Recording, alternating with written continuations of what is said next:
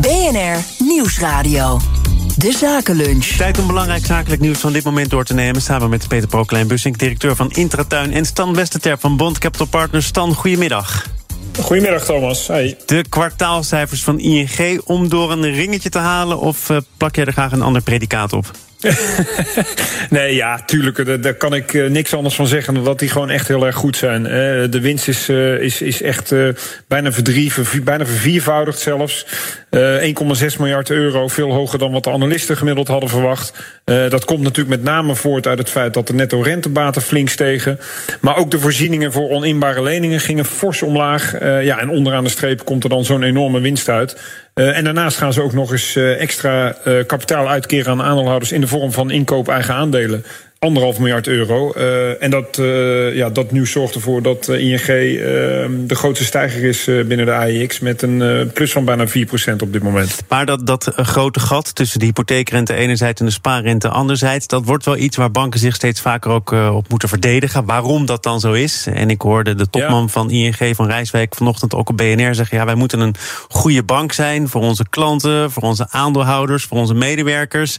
En het gaat in stapjes, dus banken zullen wel volgen, alles op zijn tijd. Is dat nog houdbaar? Nou, het is wel grappig dat je tegelijkertijd ook bij verschillende kranten in chocoladeletters terugziet. Hè, dat de, de, de spaarders de dupe zijn Welke van. krant zou dat nou zijn, Stan, die chocoladeletters? Ja? de Telegraaf. mij zitten ze in Amsterdam. Ja, precies. ja. Nee, ja, dat is natuurlijk wel weer mooi om, om in te spelen op het, op het gevoel van de consument. Hè. We hadden eerder deze week al de discussie rondom graaiflatie. Eh, nou, nu is het inderdaad, de spaarder wordt weer belazerd. Maar heel eerlijk gezegd, ik, ze hebben wel een punt natuurlijk. Want als je kijkt naar wat de spaarrente is op dit moment. Nou, als je een half procent, misschien drie kwart krijgt, dan is dat echt veel. Uh, terwijl de marktrentes, uh, zeker op de kapitaalmarkt, ligt natuurlijk al veel hoger. Sterker ja. nog, op, op bijvoorbeeld Nederlands tweejarig papier krijg je gewoon 2,5 procent. En dan heb je het veiligste van het veiligste. Dus ik vind dat punt wel, uh, wel terecht. En je ziet het ook nogmaals aan de rentebaten natuurlijk van de banken. Die, gaan, die zijn fors omhoog gegaan.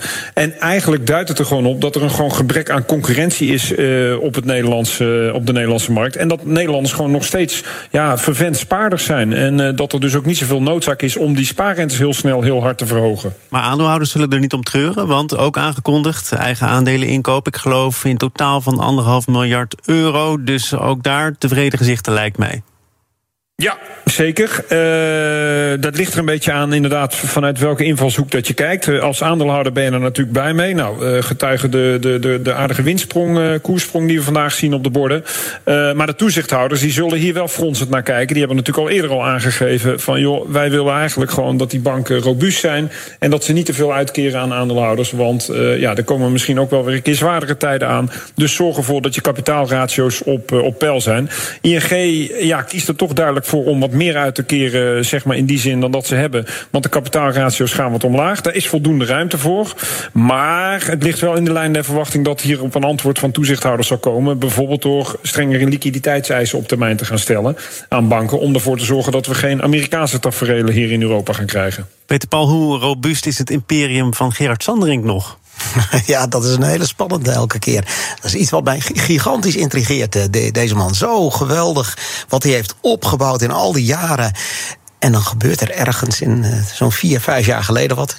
En, en, en wat hij heeft opgebouwd is hij weer keihard nou, Er kwam een bepaalde vrouw in zijn ja, leven vrouw, wat, die we wat ook bij naam en toenaam kennen. Ja, wat vrouwen, invloed van vrouwen wel niet uh, is op, op mannen. Maar het is echt, uh, ik, ik vind het heel intrigerend. Dat zo'n intelligente man, zo'n goede ondernemer, zo ja, mooie dingen gemaakt heeft en zulke goede bedoeling, dan zo in zo'n korte tijd kan omkeren. Ja, en de laatste episode, ja, het zal niet de laatste zijn die ons nog wacht, maar wat we nu weten is dat hij Tweede Kamerleden een brief heeft gestuurd waarin hij dan zegt dat hij zijn bedrijf wil verkopen, omdat ze anders wellicht in de handen van de maffia terecht zouden komen. De, de Russische maffia. Russische maffia, ja, om ja. onvolledig te zijn. Ja, en dan ook nog dat, dat hij er haalt de rechtspraak weer bij. Dat, dat wat er gebeurd is met de ondernemerkamer, dat koppelt hij weer allemaal aan elkaar.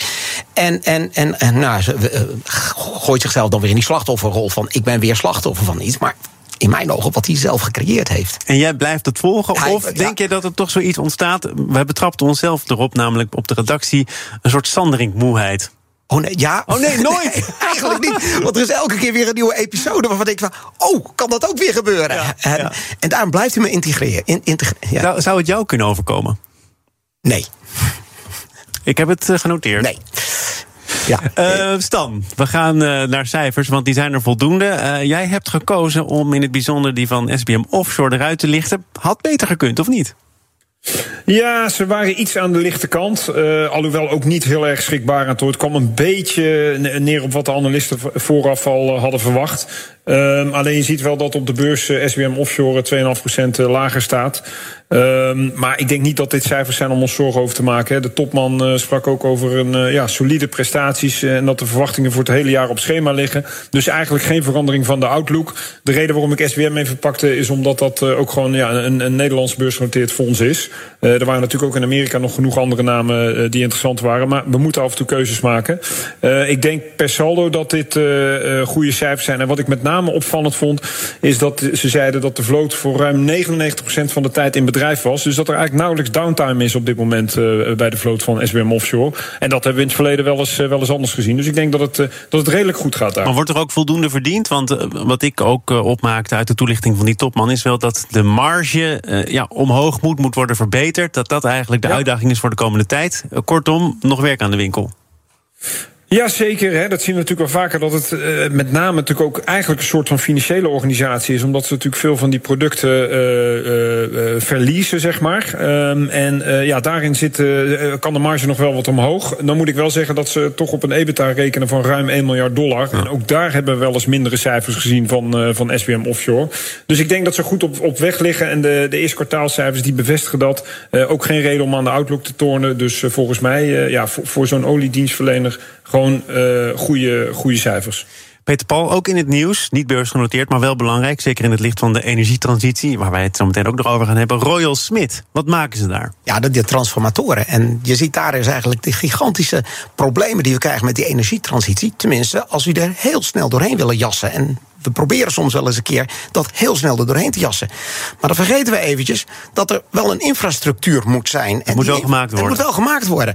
Kijk, wij zelf hebben aan de lijve ondervonden. We hebben een heel mooi nieuw pand hebben we neergezet uh, in Aalsmeer. Een nieuw distributiecentrum. Volledig goed geïsoleerd eigenlijk aan alle eisen voldoen. We moesten drie jaar geleden, toen we het wilden bouwen, van de gemeente van het gas af. Okay, prima, dan ga je dat inrichten. En dan ga je keurig netjes je aanvraag doen bij, uh, bij uh, de, de steden in van... wij willen dus meer capaciteit hebben. En dan krijg je elke keer, wordt dat wel opzij geschoven. Later, later, later.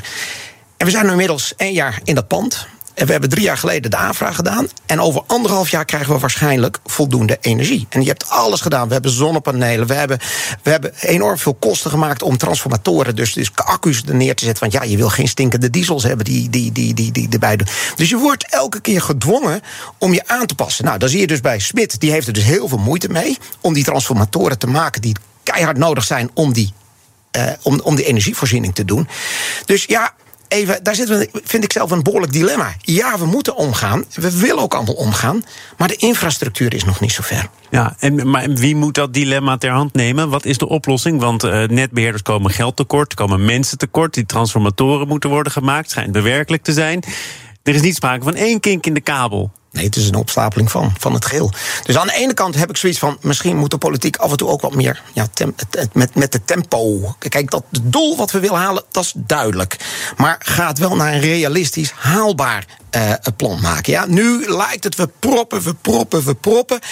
En we komen straks erachter dat het niet kan. Nou, aan de ene kant kun je zeggen van als er wat druk op zit, dan gebeurt er ook wat meer. Want als je er geen druk op zet, dan, dan, dan blijft het. Dus dat kan ik begrijpen.